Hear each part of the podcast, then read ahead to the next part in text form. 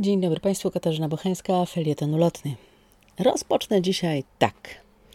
Żeby, aby, jakby. Tak, myślę, powinien zacząć się dzisiejszy felieton. I dzisiejsza moja państwa, z Państwem rozmowa o mrzonkach. Mrzonkach.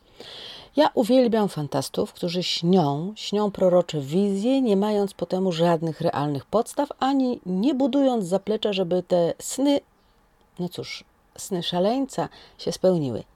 Jedną z takich wizjonerskich idei jest mobilny rynek pracy. Ogarnia mnie pusty śmiech.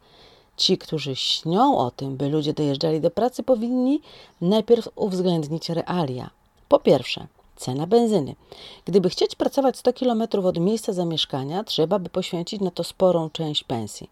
Pracodawcy nie są szczególnie zainteresowani rekompensowaniem tych wydatków.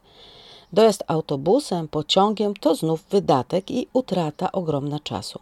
Proszę bardzo, przykład. Jeśli chcemy pracować na przykład w Warszawie albo w Łodzi, dojeżdżając do jednego z tych mm, miejsc, musimy każdego dnia doliczyć co najmniej 6 godzin. Te dwa miejsca dzieli zaledwie 130 km, ale jazda pociągiem w jedną stronę to 2 godziny. Wiem, wiem, miało być pięknie. Mieliśmy tę trasę pokonywać w godzinę, a tu masz 2022 rok i jeździmy jak za czasów PRL-u. 120 minut. To oczywiście przy założeniu, że pociąg jedzie punktualnie i że w ogóle jedzie. Bo bywa i tak, że nagle pasażerowie dowiadują się, że pociąg się nie pojawi. Ot, został po prostu odwołany. Na przykład mały powstaniec 4 lipca a inne składy z innych e, dworców są również opóźnione, czyli marne szanse na dojechanie do pracy.